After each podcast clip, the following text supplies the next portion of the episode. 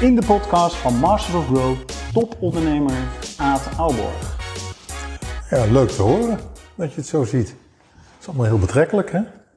Ja, het is jouw eh, lijst wat je allemaal bereikt hebt. Ja, ja. Kijk, vaak kijken ze natuurlijk zo tegenaan. Ze zien niet wat je ervoor moet doen allemaal. En dat je daar een heel stuk van je leven voor hebt gegeven. Maar uh, ja, het is ontzettend bijzonder natuurlijk dat het succesvol is geweest, wat je hebt gedaan. Kunnen we terug naar de tijd? Jij werkte bij Van der Valk. Wat dacht je toen? Ik ben helemaal klaar met dat. Uh, nee, ik, ik, zat nog op school, dus ik deed dat uh, in de vrije uren. Maar ik heb altijd bijbaantjes gehad in fabrieken of uh, asperges plukken of wat het ook mag zijn. Maar ik was ook altijd aan het handelen al vanaf mijn veertiende jaar zo'n beetje. Wat bijvoorbeeld? Nou, dubbele paraplu's. Hè, dus die open gaat met één handvat. Liep dat goed? Hè? Liep dat goed? Ja, ja, die waren heel duur, dus dat was moeilijk te verkopen. Maar ik verkocht ze wel aan iedereen. Maar ook shirtjes en bodywarmers. En dan, hè, als je zag dat je Rotterdam weer een partij kon kopen, verkocht ik ze weer in Utrecht of in Breda of waar het ook mag zijn. Fiets, ga zo maar door. Dus ik was eigenlijk al heel jong dat ik uh, dat, dat soort dingen deed. Ja, dat zat er eigenlijk al heel vroeg in. En uh, ik organiseerde ook van alles. Hè. Dus ik organiseerde de eerste grote feesten met livebands en dat soort dingen. En dat waren betaalde feesten. Niet dat je er iets van overhield, maar we konden daar een heel mooi feest van organiseren. En ik was altijd wel de organisator hè, van de band, de carnavalsband en later de jazzband. En ga zo maar door, dus het zit ook een beetje in je. Je was toen al een netwerker. Eigenlijk wel, ja. Ik vond het leuk toen al om te doen. En had je dan ook de achterliggende gedachte van, nou, als ik een feest organiseer en ik kan het met iedereen goed vinden, dan kan ik ze ook makkelijker spullen verkopen? Nee, helemaal niet. Ja. Ja, als het iedereen naar zijn zin had op dat feest, dan ging ik naar mijn bed. Want dan was ik helemaal op. Dan was ik een dag en nacht bezig geweest om het te organiseren. En niemand had het door dat ik weg was. En ik had vier zussen en die gingen vrolijk door. En toen ben jij babylis begonnen. Hoe is dat ik, gegaan? Goh, ik had natuurlijk wiskunde natuurlijk een scheikunde in mijn pakket. En mijn vader wilde graag dat ik uh, de, de medische kant op ging. En uiteindelijk ben ik eerst een jaar medicijnen gaan studeren. Had ik nooit moeten doen. En daarna drie jaar fysiotherapie. En toen, uh, op een gegeven moment kreeg ik een vier voor een vak. En uh, toen zei ik, weet je wat, ik stop ermee. Ik heb het gehad. Alles beter dan uh, studeren. Wat zei je vader? Nee, daar hebben ze nooit iets van gezegd. Ik denk dat iedereen het wel begreep. Want ik was altijd bezig met handel en met, met producten op te verkopen. Hè, wat ik al zei straks. Dat deed ik in die tijd ook. En eigenlijk een week later kwam er iemand naar me toe en zei... joh, jij moet nooit meer studeren, je moet handelen in. Ik heb nog wel iets leuks voor je. En die was iemand tegengekomen in een vliegtuig. Dat was het merk Babyliss. Het was toen nog absoluut geen consumentenmerk, maar een kappersmerk in Frankrijk. Ik denk, nou, alles beter dan uh, studeren. En ben ik feunen gaan verkopen. Toen zei ik tegen mijn moeder, mam, dan moet ik helemaal even feunen gaan verkopen. Ze zei, wat maakt het uit wat je verkoopt? Of dat auto's zijn, of schroefjes, of uh, diensten. Het is allemaal hetzelfde. Draaide die entertainment omheen, die je altijd zo leuk vond. En uh, maak er iets moois van. En dat ben ik eigenlijk wel gaan doen. Dat heb je freelance gedaan? Nee, ik kon kiezen of in dienst komen, dus als start bij dat bedrijf. Of ik kon de aandelen overnemen, want het was niks, dus het bestond niet. Dus, dus echt de BV starten of een uh, eenmanszaak starten. Of ik kon beginnen en later de optie op de aandelen nemen. En dat heb ik gedaan, dat laatste. En dat heb ik eigenlijk vrij snel verzilverd toen. Ja. En dat begon bij kappers. En ging je dat bij kappers aan, aan de man brengen? Ja, die werkten met onze producten. Ja. En uiteindelijk ben ik eigenlijk begonnen met consumentenproducten te maken. En dat hebben de andere landen ook overgenomen. Dus feuntjes voor thuis. Dus als de beste kapper met jouw producten werkt, dan moet het goed zijn. En dat is eigenlijk altijd wel een bottoog gebleven daarna. Dat als de beste kok met mijn spullen werkt, bij Princess en nu met Borgini, hè, de drie sterren chef Jacob Jaboerma nu, ja, dan moet het goed zijn, want die gaat niet met troep werken.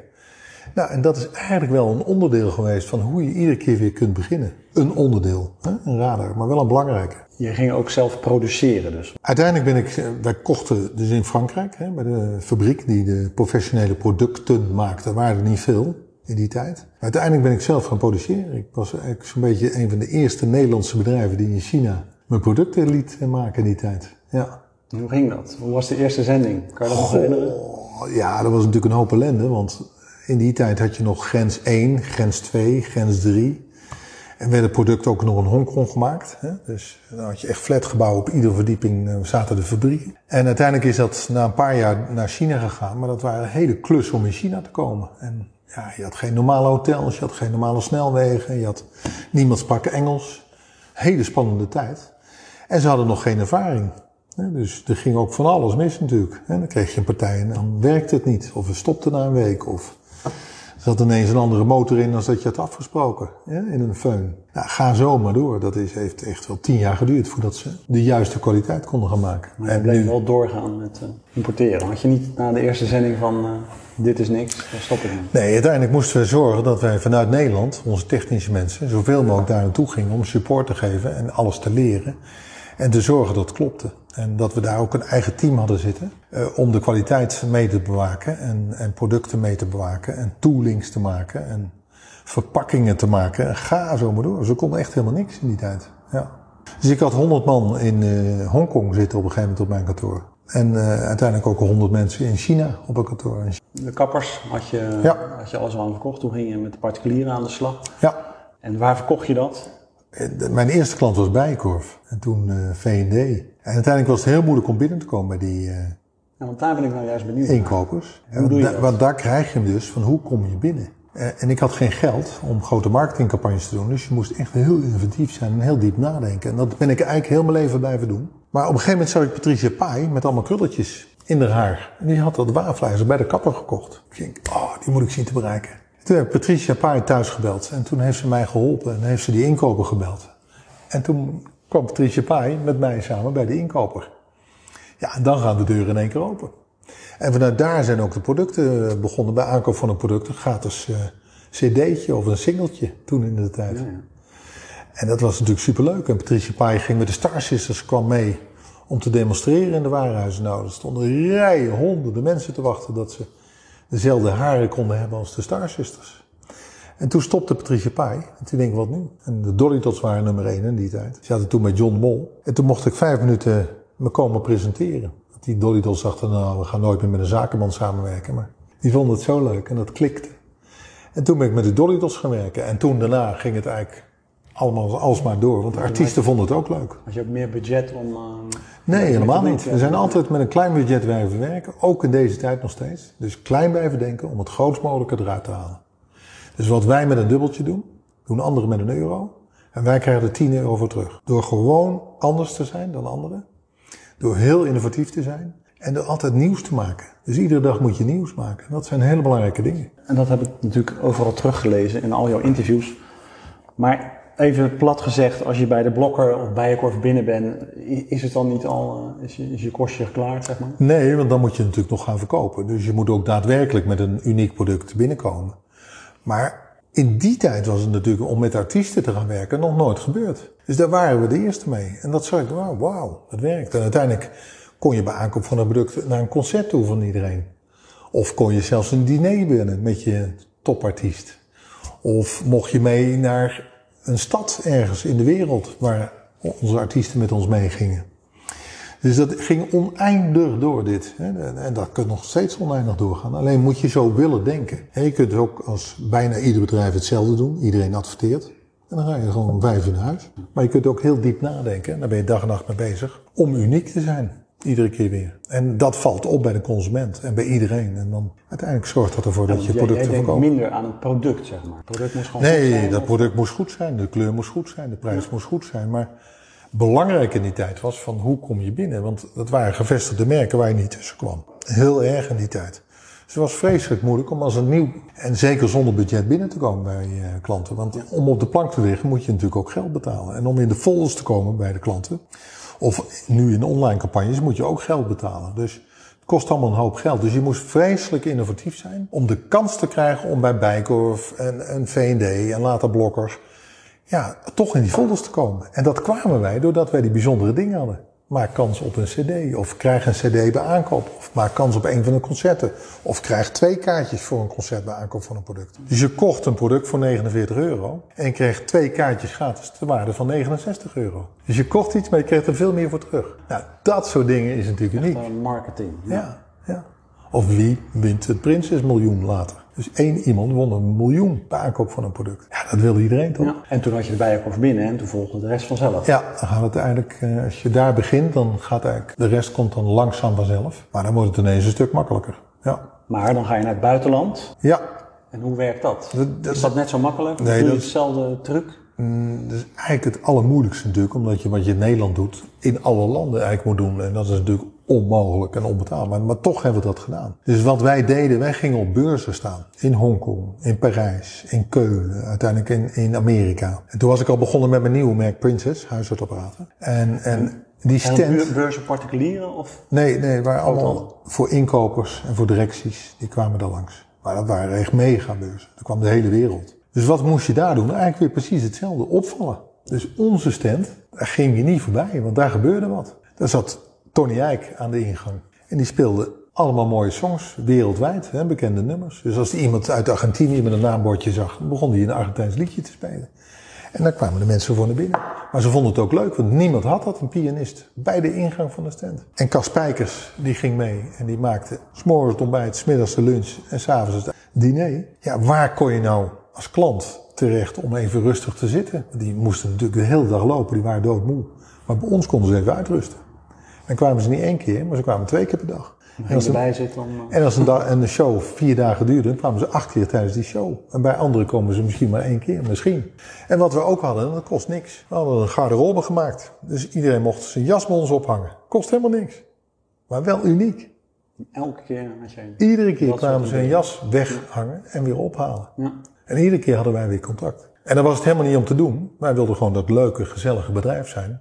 Maar uiteindelijk, ja, komen ze bij jou. En zo kwam de wereld bij ons. Dat zijn een paar dingen waar de wereld bij ons kwam. En dat kost helemaal niks. En ja, hoeveel landen had je op een gegeven moment? eh, en, en was dat ook je doel om zoveel mogelijk landen Ja, je, te, je hebt te natuurlijk als, veroveren? als uitdaging heb je natuurlijk om zo groot mogelijk te worden. En zo succesvol mogelijk te worden. Ja, dat was gewoon het spel. Hè? Dat vonden we leuk. Goh, weer een klant uit Argentinië, eentje uit Amerika, eentje uit Brazilië. En overal gingen we aan de gang. Dus wij zaten op een gegeven moment in 75 landen. Maar we gingen ook 20 jaar door de wereld heen, ben ik gegaan. Met Cas Spijkers, met Tony Eijk en Felice, een bekende entertainer uit België. En dat waren gewoon drie dikke vrienden. Wij reisden 80 dagen per jaar door de wereld. Wij zaten in televisieshows. We hadden overal introducties in hotels met onze producten of marketingcampagnes of wat het ook mocht zijn. En alle klanten kwamen, alle pers kwam, alle televisie kwam. Ja, dat is 20 jaar zo doorgegaan. Oneindig. En hele grote evenementen hebben we gewoon gedaan. Ook in, eh, in Dubai, in de woestijn, gewoon complete keukens in de woestijn gezet, waar nog niemand kwam in die tijd. En onze relaties mochten mee de woestijn in en er was ineens een hele grote balroom in de woestijn. Dan Waar die mensen werd. ook gebeld van, joh, kom, we hebben daar Ja. iets moois opgezet. Ja, ja, ja, dat kon in die tijd allemaal nog. En je had nooit de gedachte van, nou, misschien is dit iets te ver gegaan en eh, hebben we ons doel gemist. Eh, Misschien wel een keer. Hè? Ik heb in Hongkong ooit een evenement gedaan. Daar ben ik twee jaar mee bezig geweest. Dus ehm, daar kwamen 500 relaties naartoe. Maar we hadden daar ook een beurs. Dus daarna. Dus we deden vijf dagen was het feest. Vijf dagen feest. En dan begon de beurs.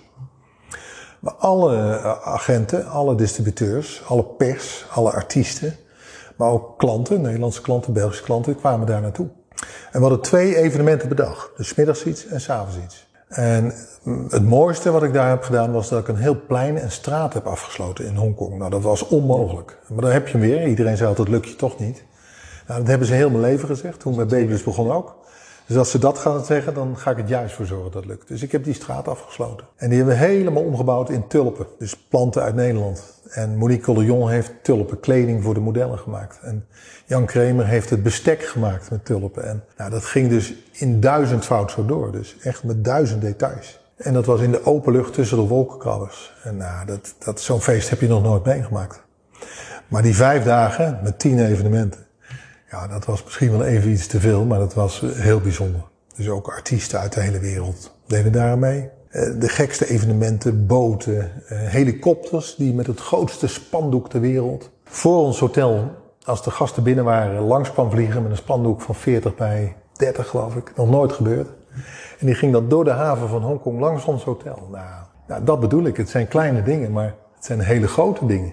Want het is nog nooit gebeurd. Vanuit ons kantoor, wij zaten op eh, 20 hoog, keek je op het zwembad bij ons hotel naar beneden. Dan had ik het zwembad leeg laten lopen.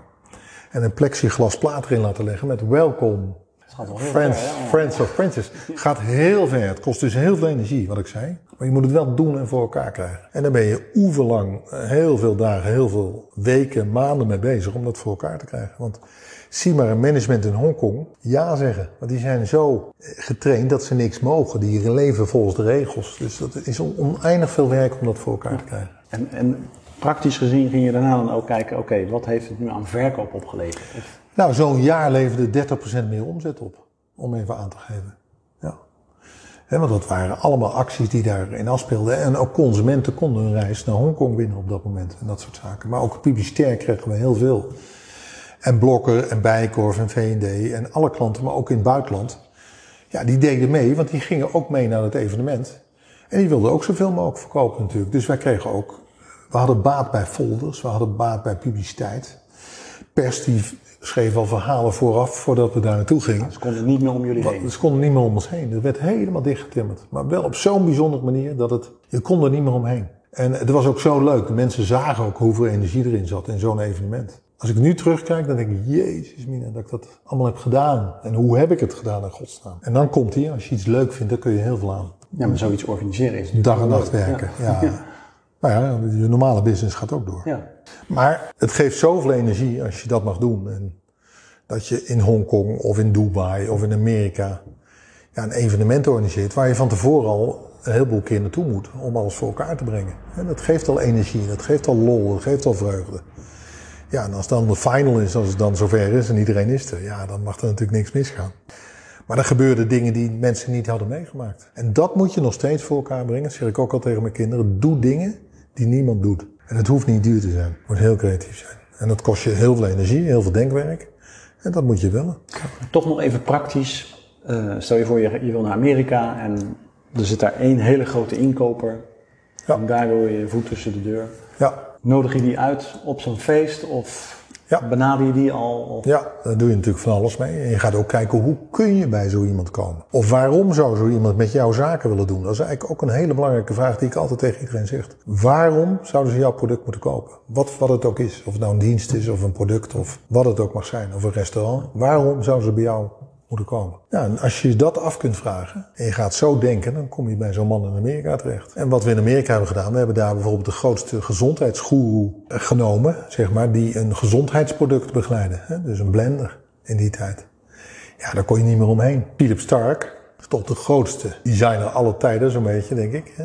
Zeker in die tijd dat ik eh, met hem werkte. Die kwam in Parijs over die beurs lopen. En die zag onze stand. En die komt binnen en die zegt, met jou wil ik werken. Niet eens iets gevraagd. Toen ik de offerte kreeg, toen zei ik tegen hem, ja, maar ik met jou niet, want het was veel te duur. En ik kom hem een jaar later, stom ook toeval, ik heb altijd een engeltje op mijn schouder, kom ik hem tegen in Hongkong op straat. Ik zeg, hé, hey, ken je me nog? Ja, tuurlijk ken ik je. Ik denk, ja, dat zal, zegt hij tegen iedereen. Ja.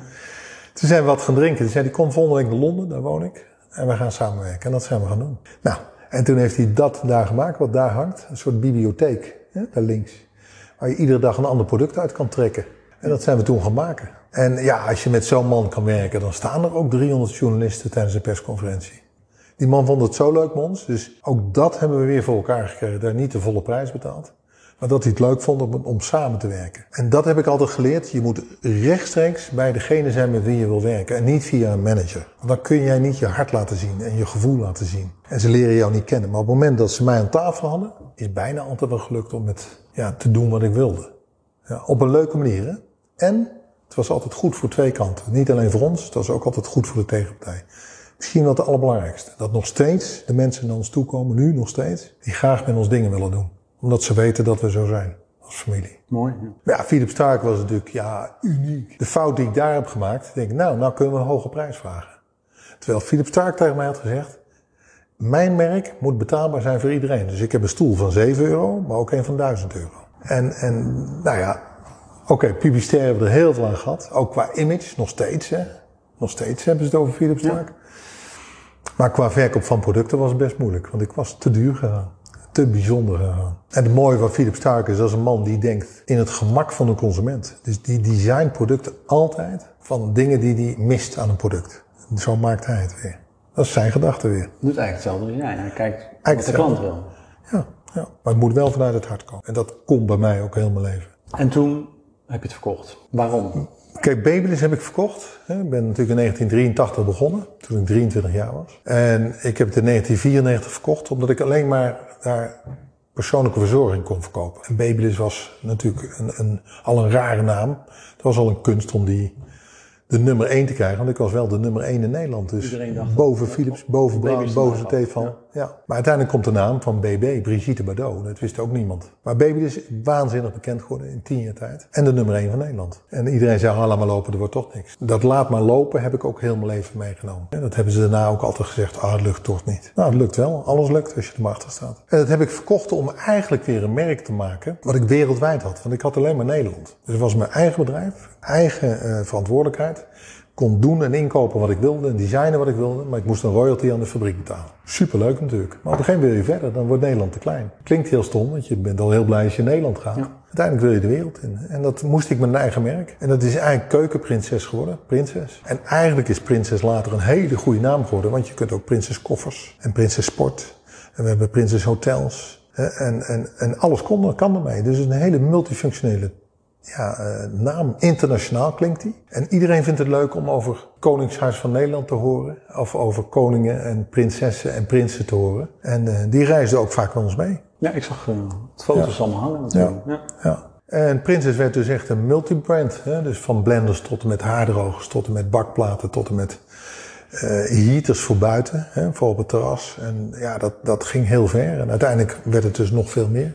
En was dat moeilijk om ineens die switch te maken? Had je eh, Ik heb hem van dag, van- nee, nee, echt van dag 1 naar dag 2 heb ik hem omgekeerd van babylist naar princess. De hele gedachte. Uniek dat het kan, maar het kan. Als je zo gaat denken en je gaat alle aandacht daar in één keer aan geven. Ja, dat vindt iedereen leuk. Iedereen vindt het gedurfd. Iedereen die geeft zijn bijdrage. Iedereen weet wie je bent. Iedereen weet dat je betrouwbaar bent. Daar moet je ook natuurlijk tien jaar over doen voordat je dat krijgt. Iedereen moet ook, ook met je willen samenwerken en het je gunnen. Nou, eh, dat was wel de start. En dat was toen, maar dat is nog steeds zo. Werkt nog Ja, steeds we zo. staan nu nog steeds bij de blokker. En, eh. Het verhaal werkt nog steeds hetzelfde. En daar komen de kinderen van nu met de social media zien dat social contact eigenlijk heel belangrijk is. Dat zien ze pas als ze beginnen. Hè? Contact hebben met elkaar, dat je erover moet praten, dat je over dingen moet brainstormen, dat je met mensen moet kunnen praten, hè? want je hebt mensen nodig. Je moet het kunnen uitleggen. En dat wordt eigenlijk een heel belangrijk onderdeel in je verdere leven. En dat blijft. Dat komt alleen maar terug. Dus social media gaat weer een beetje weg. En social contact, dat is echt weer helemaal vol aan de gang op dit moment. Ja, heel leuk om te zien. En, en wat was je doel met Princess? Ja, het doel was natuurlijk om zoveel mogelijk verschillende soorten producten te kunnen verkopen, die heel breed waren. Maar ook om de wereld te veroveren. Dat was echt vanaf dag één meteen mijn, eh, mijn doel. En eh nogmaals, dat gaat niet alleen om het geld, het gaat ook om dat je het leuk vindt. Je moet het zaken doen ook als een spel zien wat je wil winnen. En soms moet je even drie plaatsen terug en dan ga je weer vooruit. En, Nou, dat soort dingen. En dat, dat maakt het geheel heel leuk. Ik heb wel altijd gezegd, we moeten hard werken met z'n allen. Ook, ook personeel. Maar bij ons krijg je ook heel veel ervoor terug. Je ging mee door de wereld heen. Je kwam in de beste hotels. Je had de leukste restaurants. Je had enorm veel eh, entertainment in je marketing. Ja, het was gewoon één bijzonder gebeuren. De mensen die dat hebben meegemaakt, die vergeten dat nooit meer. Krijgen dat ook nooit meer terug. Zeggen ze ook altijd. En dat vind ik dan wel leuk om te horen. Dat het toch wel een bijzondere tijd was bij ons altijd. Ja. Met je personeel deed je eigenlijk hetzelfde. Entertainde je ook. Ja, kijk, het is natuurlijk wel belangrijk. Hè? Ondernemers entertainen is natuurlijk wel het motto geworden. Dat is ooit door een eh, telegraaf bedacht en geschreven. En dat is wel wat ik deed. Eh, alleen het klinkt heel makkelijk. Maar het is vreselijk moeilijk natuurlijk om dat vol te houden. En uiteindelijk wilden alle bedrijven dat. Alleen als het niet vanaf boven uitstraalt, hè, de leider dat uitstraalt en zegt dat is mijn koers, dan gaat het nooit werken. En ik was natuurlijk wel iemand die zegt we gaan op deze manier werken. En dat hebben, daarna hebben de kinderen dat ook gedaan. En dan zie je dat het lukt. En dan is het ook echt leuk. Ja, en dan werkt het ook. Heb je landen waar je nooit eh, binnen bent gekomen? Goh, dat je dacht wat- van, nou, daar zou ik nou wel echt... Ja, nou ja, China is natuurlijk toch wel heel moeilijk. We waren daar binnen. Maar China is zo'n andere wereld. eh, waar je hoge invoerrechten had. Waar je hele hoge kosten had om in de winkels te kunnen liggen. Echt onvoorstelbaar hoog. Waar je de hele dag voor de gek wordt gehouden. Ze zeggen ja, ze doen nee. Eh, waar van alles is gebeurd. Echt cowboy. Was een cowboywereld was het. Wat er allemaal daar gebeurd is, dat is echt ongelooflijk. Daar kun je een boek over schrijven. Eh, maar dat is nog steeds zo daar. Het is heel moeilijk om geld te verdienen in China. Ik denk voor alle bedrijven. Maakt niet uit hoe ze heten. Nog steeds. Ja, en jouw spullen kwamen er vandaan en dan ging het... Ja, die gingen, die gingen uiteindelijk ook weer terug. Maar in China wilden ze ook natuurlijk, zeker in die tijd, westerse producten hebben uit Europa. En wat wij dan deden, wij op onze op de producten stond Designed for Europe. Ja, dus dan was er toch iets met Europa mee gedaan. Dus dat maakte het mogelijk dat wij daar inderdaad gingen verkopen. En uiteindelijk hebben we daar een eigen verkooporganisatie voor. En dat ging ook best goed. Alleen vreselijk moeilijk, want ja, dan dag één was het weer zo en dag twee was het weer zo. En communistisch land gaat natuurlijk alle kanten uit. Die heb je niet onder controle. En met de Chinees werken is heel moeilijk, want ze houden je de hele dag toch voor de gek. Het zijn harde werkers, maar die willen geld verdienen. En uiteindelijk doen ze wat zij willen. Ook nog steeds. Dus dat is heel moeilijk om daar goede partnerships te maken. Ja, en zeker. Jij kocht daar natuurlijk in en producten moesten goed zijn. Ja, dan hadden wij producten bedacht.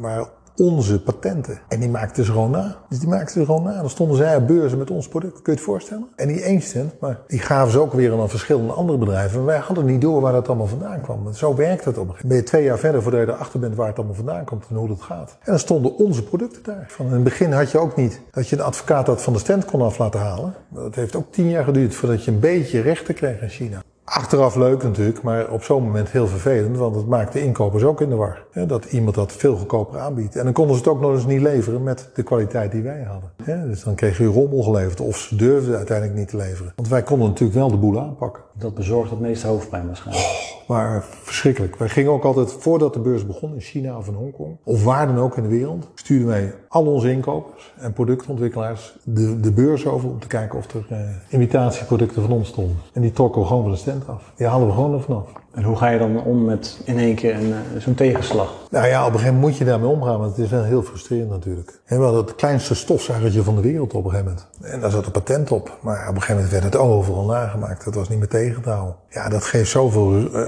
ongein dan in de wereld. Om uit te leggen wat dat dan is en hoe dat dan kan. En ja, dat kost zoveel energie. Maar op een gegeven moment was het nog erger dat onze fabriek had op een gegeven moment onze mallen ergens anders naartoe gebracht. En we wisten niet waar. Die waren gewoon gestolen. Werd dan gezegd. Dus je had alles geregeld en ineens... Weg, was weg. Ja, patent. Ja, zo ging dat. Het was een wild west. Ja, en dan moesten wij maar weer zoeken waar dat was. Ongelooflijk. Is dan jouw kracht dat je dan doorzet? Ja, dat is heel moeilijk. Hè? Kijk, wij hadden een directeur bij ons in Hongkong. En die ging dan naar China toe. En een Chinese die werkte dus op die manier. Zo werkt dat nou eenmaal. Dat er een soort backmissie werd betaald aan hem. En wij wisten dat niet. Er kwamen pas later achter dat de fabriek moeilijk ging leveren en eigenlijk niet meer wilde werken. En een Chinees zegt ook niks tegen jou, want die, die willen elkaar niet gezichtsverlies geven. En uiteindelijk kwam ik gelukkig toch naar, naar Nederland toe om te vertellen dat er per product heel veel geld werd betaald door mijn directeur. En toen begrepen we ook waarom dit allemaal gebeurde. Die fabriek kon niks meer verdienen, want die moest afdragen aan hem. Ja, dat is echt ongelooflijk. Ja, en dan kun je een aanklacht indienen, maar daar heb je ook niks aan, want Chinezen helpen elkaar toch allemaal. En uiteindelijk uh, wordt het een heel moeilijk proces en willen andere fabrieken ook niet meer met je werken. Weet je, dan praat ze ook weer rond, want jij bent die harde zakenman. Het is allemaal heel moeilijk. En je verkoopt heel veel en dan uh, aan de andere kant... Uh...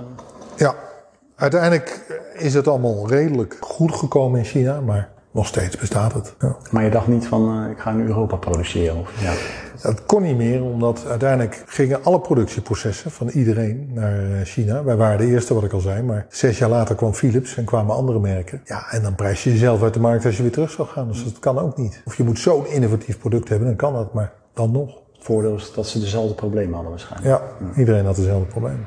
Ja, en toen heb je Princess verkocht. Toen dacht je van, ik heb genoeg gewerkt. Altijd wel mensen langs die je wilde kopen. We hadden toen 75 miljoen omzet, zonder Amerika. Natuurlijk voor die tijd heel veel. En heel ja, succesvol. Iedereen in de wereld kende ons, alle, alle merken. Ook, wij produceerden ook voor Philips. Wij produceerden voor wereldmerken, dus dat deden we ook. En uiteindelijk kwam ja, de Porsche onder de merken, WMF, langs. Dat is echt een topmerk. En die wilden ons hebben. Ja, en daar ben ik wel een jaar mee bezig geweest om dat te bedenken. Doe ik het wel, doe ik het niet. En uiteindelijk heb ik mijn kinderen gevraagd, wat zal ik doen? Ga ik Princess voor jullie houden? Of ga ik het verkopen? En toen zei mijn oudste zoon, pap, als wij goed zijn, kunnen we het zelf ook. En dat vond ik eigenlijk zo'n goeie, want dat is het ook. Als je het niet kan, kan je, dan kan je het, het grote ook niet. En als je goed bent, dan kun je het kleine ook groot maken. En toen dacht ik, verkocht. En ik, uh, ik had nog tien jaar door kunnen gaan zelf voor 15 jaar. Nee, je hebt vijf kinderen. Wel heel zielig als je nog een keer uh, dat zou moeten doen. En ik had al 30 jaar erop zitten. Dus uh, ja, ik ben er eigenlijk wel heel blij mee dat ik het heb kunnen doen. Dus ik denk, verkocht. En toen ben ik eigenlijk met de kinderen gaan ondernemen. Eerst met mijn zoon Tim, en toen Florentien, en toen Nicky. Ja, superleuk. Want daar hadden we het net al over in het voorgesprek. Je viel niet in een zwart gat, zoals een topsporter. Nee, want ik heb de naam Princess gehouden. Ik heb alleen Princess huisartsapparaten verkocht. Maar ik heb de naam Princess gehouden om andere dingen te gaan verkopen vanaf nul met de kinderen. Dus Princess koffers, Princess sport, Princess hotels. Ja, en uiteindelijk is er een nieuw merk Burgini bijgekomen. Hè? Mijn derde kind is daarop afgestudeerd. Het was meer een grap. Maar het is ook echt gebeurd. En uh, ja, eigenlijk heel leuk. En de kinderen. En wat zijn je doelen nu? Ik ben eigenlijk na, na, het is alweer acht, negen jaar geleden dat ik daar met hun ben begonnen. Toch weer met mezelf een aantal dingen aan het doen. Dat ben ik altijd wel blijven doen, maar wat meer. Want je moet niet die vader worden die een stoorzender wordt. Uiteindelijk willen ze het zelf ook doen, zoals ik het heb gedaan. Je wil je eigen gevoel erin gooien. Je wil je eigen dingen maken. Daar moet niet iedere keer een vervelende vader of een eigenwijze vader tussen zitten. Dus dat heb ik eigenlijk vanaf het begin ook niet geprobeerd. Maar ja, in het begin moeten ze ook veel leren. Ja, nee, maar je moet ook veel leren. En zij ook. Dus het lijkt allemaal heel makkelijk. Maar ze hebben alle facetten natuurlijk zelf uit moeten vinden. En in het begin was het ook altijd, ik zou het zo doen. En dan kwamen ze er eigenlijk uiteindelijk wel achter, zoals ik zei, ik zou het zo doen. Maar dan zijn ze allemaal zelf achtergekomen door het eerst mis te laten gaan, of vaak. Hè? En dan kwam het wel weer goed. Ja, ze moeten zelf leren lopen ja. natuurlijk. Ja. Heb jij nog een aantal tips voor ondernemers die nu zitten te luisteren en zoiets hebben van, uh, die staan aan het begin van hun carrière. Ja. Wat moeten ze doen? Nou, allereerst moet je het leuk vinden wat je gaat doen. Dat is het allerbelangrijkste. Anders krijg je stress. Als je met tegenzin werkt, gaat het niet werken. Dus doe iets wat je heel leuk vindt. Denk niet altijd aan geld. Dat komt vanzelf wel. En ten tweede, wees heel innovatief. Kan op alle gebieden kun je innovatief zijn. Wees vernieuwend. En dat zijn wel twee hele belangrijke waarden om succesvol te kunnen zijn. Of dat nou een dienst is, als je accountantskantoor hebt, of dat je nou producten verkoopt, of dat je een restaurant bent, het maakt niet uit. Uh, ik denk dat dat het allerbelangrijkste is. En ja, wat ik altijd zeg, succes is pas succes als je het samen kunt delen. Dus je moet ook goed kunnen delen.